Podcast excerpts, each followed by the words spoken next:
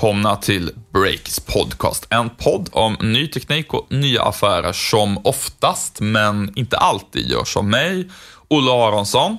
Och mig som heter, eller jag säger man, som heter Stefan Rundell. Vi driver nyhetssajten Breakit tillsammans med ett gäng andra eh, väldigt duktiga personer.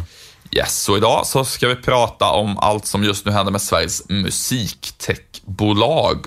Soundtrack Your Brand tar in en jätterunda. Martin Lorentzon och Daniel Ek på Spotify, de flyr till New York och så har vi räknat ut, apropå Spotify, hur mycket Telia faktiskt ligger back på sin investering i Spotify. Men först kör vi fem snabba nyheter från veckan som har gått. Stefan, du börjar. Yes, Snapchat ska ju börsnoteras och nu har eh, teckningskursen läckt ut eh, och enligt Financial Times, eh, vanligtvis väldigt välunderrättade källor, så kommer bolaget värderas till mellan 19,5 och 22,2 miljarder dollar. Det kan ju eh, jämföras med de tidigare spekulationerna på en värdering på mellan 20 och 25 miljarder dollar. Och så har den så kallade finansskatten varit i ropet i veckan. Eh, det är ju en ny skatt eh, som, om den genomfördes, skulle slå kraftigt mot en rad fintechbolag, bland annat Klarna. Men den ser nu ut att stoppas, eller i varje fall så att säga mildras rejält ur företagens perspektiv. Finansminister Magdalena Andersson sa i veckan att det är tveksamt om skatten uppfyller sitt syfte i och med att den slår så brett. I en dom från Patent och marknadsöverdomstolen förbjuds Bredbandsbolaget att låta sina kunder surfa in på sajterna The Pirate Bay och Svefilmer. Domen kan få långtgående följder för hur vi kan surfa i framtiden. Eh, och eh, det här är en fråga som vi har belyst från ett, en rad olika perspektiv i veckan. Så in på breaket och läs mer om ni vill förkovra er.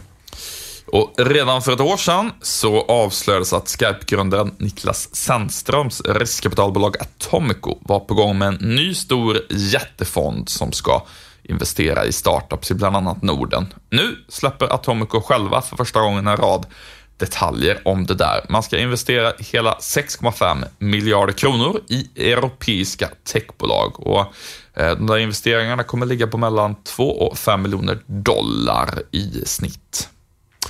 Så är det. Eh, finansmannen Mats Kviberg, som tidigare grundat HQ Bank, eh, köper nu tidningen Metro. Där ingår också en eh, rad digitala sajter. Eller sajter är väl alltid digitala, men en del sajter. 50 miljoner pröjsar han för detta och tidigare har ju Mats Kviberg investerat i sajten Realtid och han flaggar för fler investeringar i mediebolag och tycker att man kan göra mycket mer på det digitala området när det gäller eh, tidningar framöver. Vi håller ögon och öron öppna för vad Mats Kviberg gör i fortsättningen. Samtidigt som den här podden publiceras så kör vi på vår nyhetssajt en text om att Soundtrack Your Brand, det svenska techbolaget, de tar in 200 miljoner i riskkapital med målet att nå global dominans på marknaden för strömmad musik på liksom företagsmarknaden som spelas på kaféer och i butiker eh, bland annat. Eh, Soundtrack Brand, de är ju ett eh, får jag säga, väldigt välrenommerat techbolag nu i Sverige. Eh, och jag tänkte vi skulle gå in lite grann på vad som är orsaken till att det företaget ser ut att gå en väldigt eh, ljus framtid till mötes jämfört med en del andra bolag som har det lite tuffare. Det tycker jag du ska göra, men lite, ska vi bygga ut lite grann eh, nyheten kring eh, Soundtrack Your Brand där. De plockar in, precis som du sa, då, 200 miljoner eh, kronor eller 22 miljoner dollar och de pengarna kommer från eh, det tunga riskkapitalbolaget Balderton och det nästan lika tunga svenska riskkapitalbolaget Industrifonden som står på statlig grund. Eh, Soundtracker Brand grundades 2013 av Ola Sars och Andreas Lifgarden. Och precis som du sa så har de ju då en liten tråkigare nisch kanske man kan säga. De tjänar pengar på bakgrundsmusik då på restauranger och har fått en väldigt stark marknadsposition. Har bland annat McDonalds bland kunderna. Uh, ja, varför går det så bra för Soundtracker Brands, du Olle? Jo, eh, kan jag räkna upp några olika grejer här. Eh, till att börja med så har de ju erfarna grundare som har kört bolag eh, förut. Eh, Piff och Puff är man kallar det va? Ja, de kallas för Piff och Puff. Jag tror att det måste vara Andreas Lifgården som är Piff och Lazar som är Puff. Um, och eh, det kallas de för internt, ska jag säga. Mm. En snackis så. De är um, eh, erfarna, har drivit bolag tidigare. Uh, Ola Sars drev ju Tony och Pacemaker och sen uh, Beats lite innan eh, Beats, eh, han var inte med när de såldes till Apple och, och, och så, men han... Är väldigt trött på att berätta den storyn. Han Ja, nej, det är han säkert jättetrött på. Men i alla, lite- i alla lite fall, tidigt, han har mycket erfarenhet att driva bolag. Exakt. Och Andreas Lifgård har jobbat länge på Spotify och även jobbat inom telekombranschen, så jobbat på riktigt på bolag i Sverige. Har mycket erfarenhet av hur det går till att driva det. Och det tror jag har varit väldigt viktigt för hur de har satt sin personalpolitik där. Att eh, ja, det ska vara bra värderingar, sunda värderingar, man ska inte jobba ihjäl sig. Och min bild är att de har en väldigt stabil kultur. Det är något som vi pratar mycket om, att man känner att det blir allt viktigare ju, ju större man blir som bolag. Och det tror jag de har satt ganska bra. Sen så tror de har haft en väldigt tydlig plan redan från början för hur de liksom ska lyckas skala upp verksamheten på ett lönsamt sätt. Um, vi pratade för några poddar sedan om uh, till exempel iSettle och Ticktail. Två techbolag här i stan som var uh, väldigt liksom hypade tidigare men som nu är lite mer ifrågasatta. Och, um, det som väl de egentligen har gjort är att det är ju tjänster som funkar bäst om man är ett litet företag och använder Ticktail eller iSettle. När, och när man växer så framstår det kanske rimligare att byta leverantör än att stanna kvar och växa med dem. Och det där har Soundtracker Brand liksom förstått från början att så ska det inte vara, utan man ska kunna ta emot både stora och små kunder från början och liksom vara redo om kunderna växer och hänger kvar sen. Eh, de har gjort något som kallas för LIF-kurvan, som i princip är liksom ju större kunden är, ju mer kraft kan man lägga på att sälja in erbjudandet till kunden. Så att en pytteliten kund får eh, signa upp sig själv, typ som att skaffa ett Dropbox-konto. Eh, och en jättestor kund kan man liksom gå och åka på flera säljmöten med. Och sen finns det sådana som är däremellan, så har de liksom räknat ut vad som blir mest effektivt där.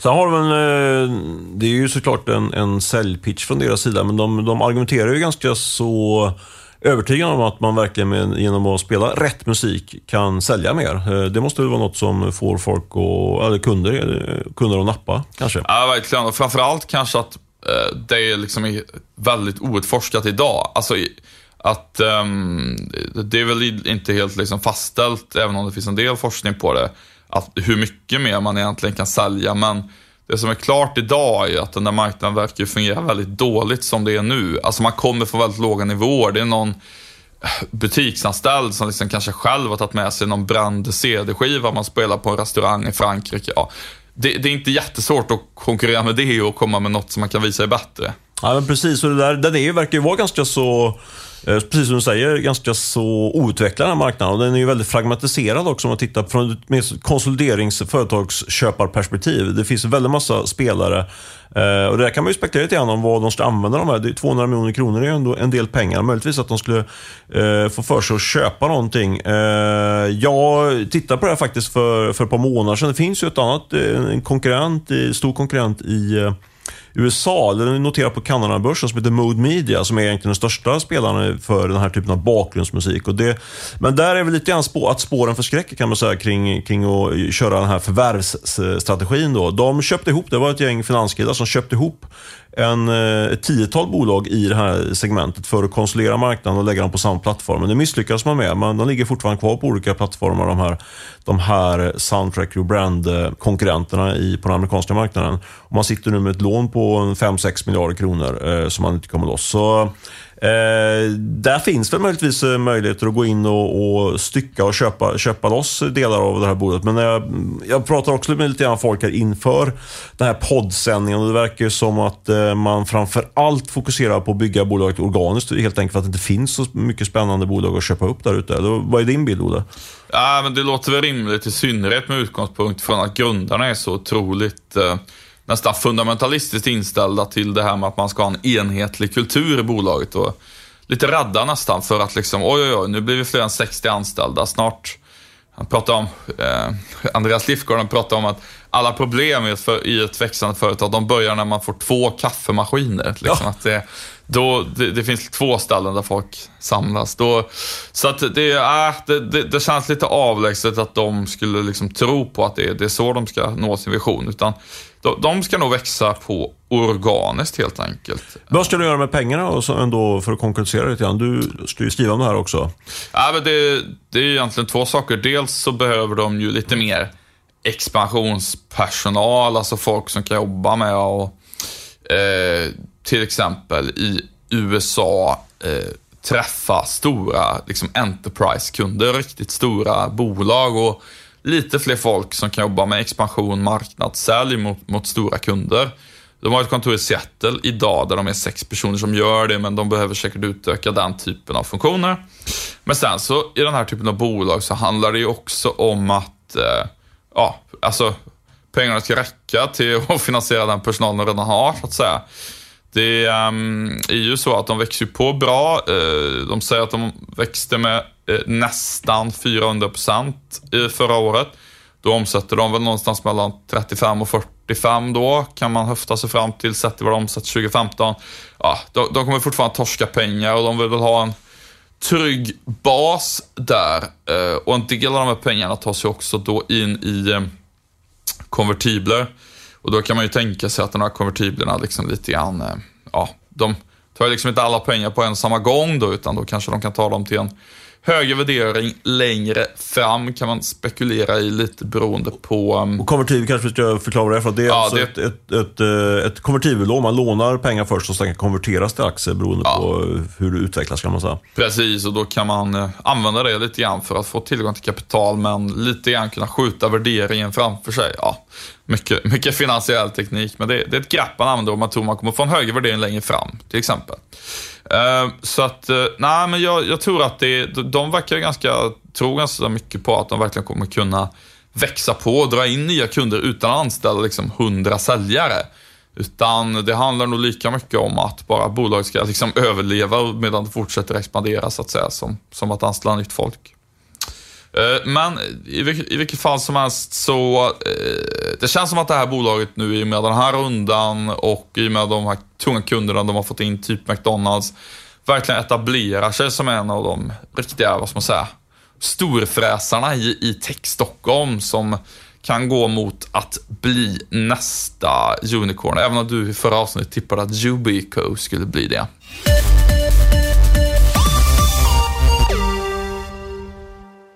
Den här podden har vi en sponsor som ligger oss varmt om hjärtat eftersom vi precis har fått ha väldigt trevligt tillsammans med den här sponsorn i fråga. Eh, vi sponsras nämligen av konferensanläggningen Sånga Säby, där vi sov i natt. Ja, vi på Breaket har ju haft en eh, väldigt trevlig konferens där på Sånga Säby som ligger ja, ungefär 35 km från Stockholm. Nära stan men ändå verkligen ute på landet. Det var verkligen en skön känsla där ute. Eh, vi valde dem bland annat för att de har en sån tydlig miljöprofil. Hela din vistelse på den här konferensgården är klimatkompenserad och anläggningen är svanenmärk och de har faktiskt ett eget vattenreningsverk. Mm, och maten är närodlad, den är ekologisk och den kommer från Sveriges bönder. Sen finns det massa kul aktiviteter och även bastu, pool och man kan bada i isvak nu på vintern, vilket flera av våra medarbetare utnyttjade. Exakt, jag missade faktiskt det. Men det får jag göra nästa gång. Vi kan verkligen rekommendera eh, Sånga Säby. Men hur gör man om man vill komma i kontakt med dem? Ja, då rekommenderar vi att du surfar in på www.sanga-sabi.se. Eh, alltså www.sanga, S-A-N-G-A,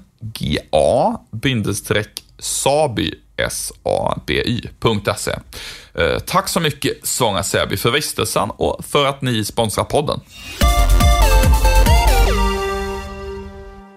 Soundtrack och Brand, de ska ju fortsätta växa rejält i Stockholm, men eh, en av deras ägare, Spotify, de verkar ha andra planer. Ja, onekligen. Eh, vi rapporterar här på morgonen om att eh, Spotify, den här kronjuvelen på den svenska techscenen, de ska nu expandera stort, fast inte i Stockholm utan i New York. Eh, man flyttar in i den nya World Trade Center-skrapan eh, på Manhattan och eh, man får faktiskt en hyresrabatt från staden New York på ungefär 100 miljoner kronor. Och i utbyte mot att man sätter ner sina bopålar här i den nya World Trade Center-skrapan så säger man att man ska anställa tusen nya personer i New York faktiskt.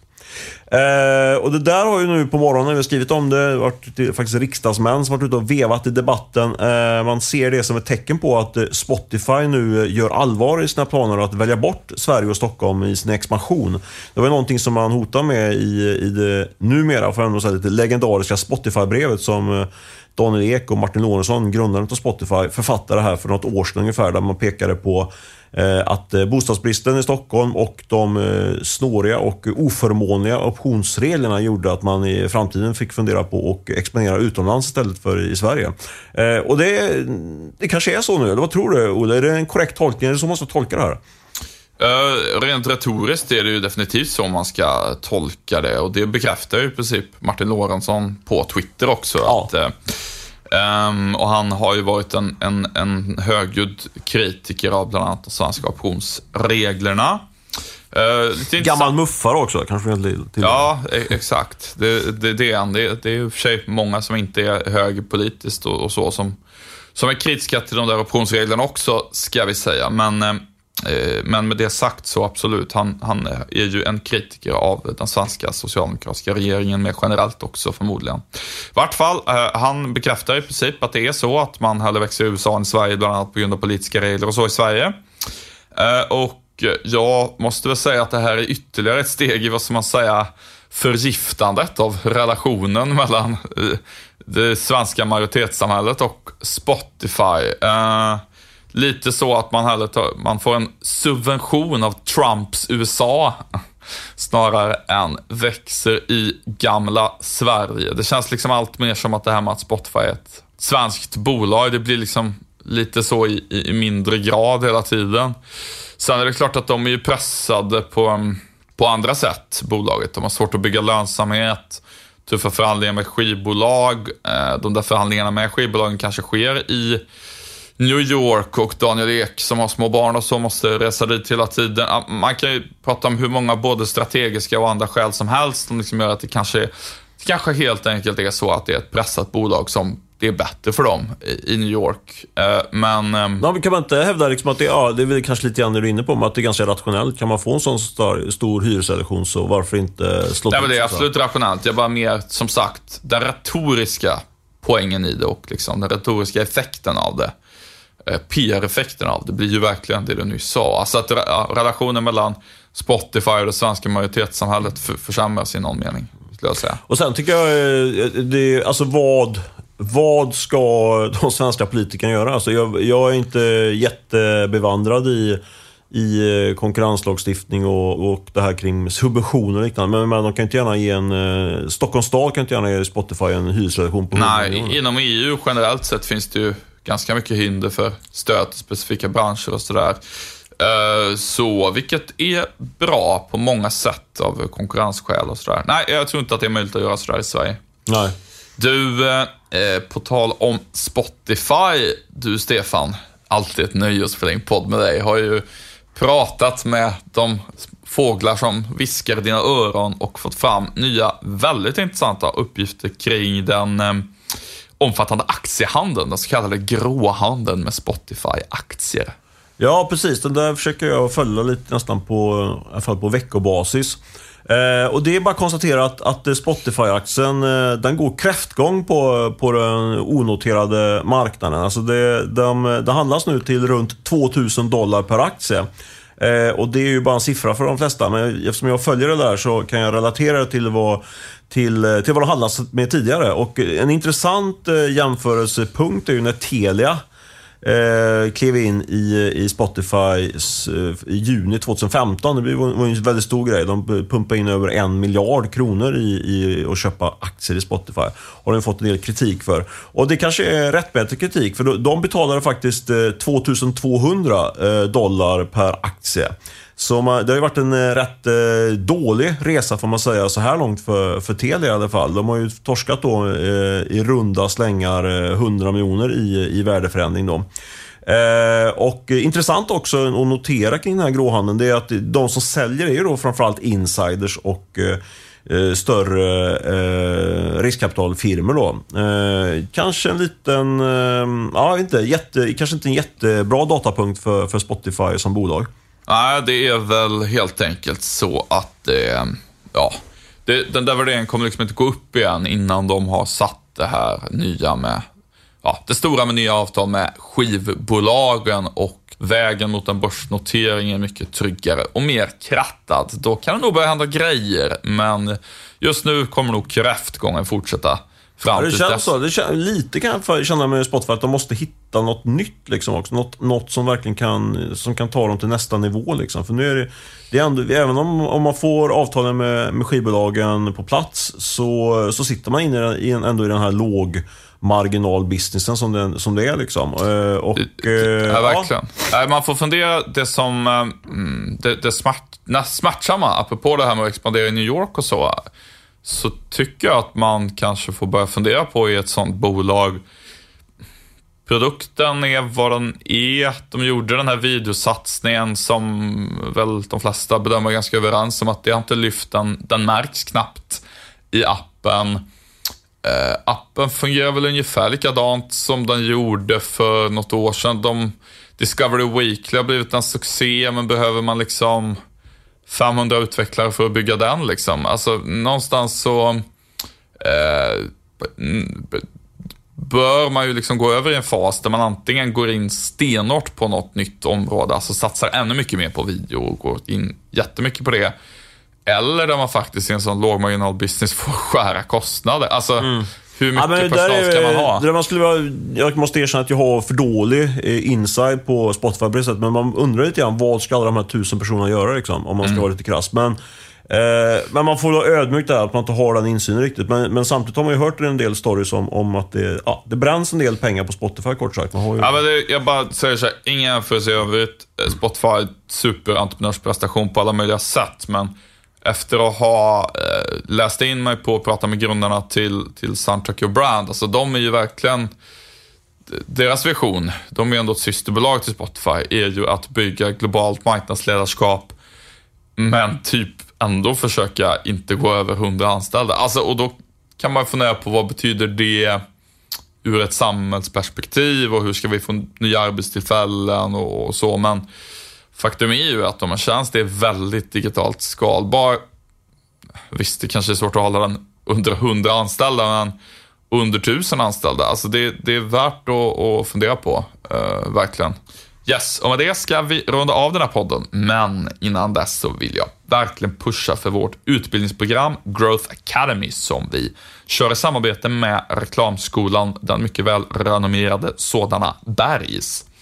Eh, för dig som till exempel vill lära dig hur man använder Googles och Facebooks olika verktyg för marknadsföring så finns det en kurs som heter Digital Growth Tools som är en del av eh, det programmet. Så jag verkligen kan rekommendera. Där får du lära dig det från grunden. Väldigt användbart. Spara Spana in det på growthacademy.nu. Gör det. Annars ska vi förstås också som alltid tacka Beppo ljudproduktion som klippte det här avsnittet eh, som vanligt. Och eh, ja, det är väl det ungefär. Jag, jag tackar för mig om inte du har något mer att säga Olle. Nej, ha det gott så hörs vi nästa vecka.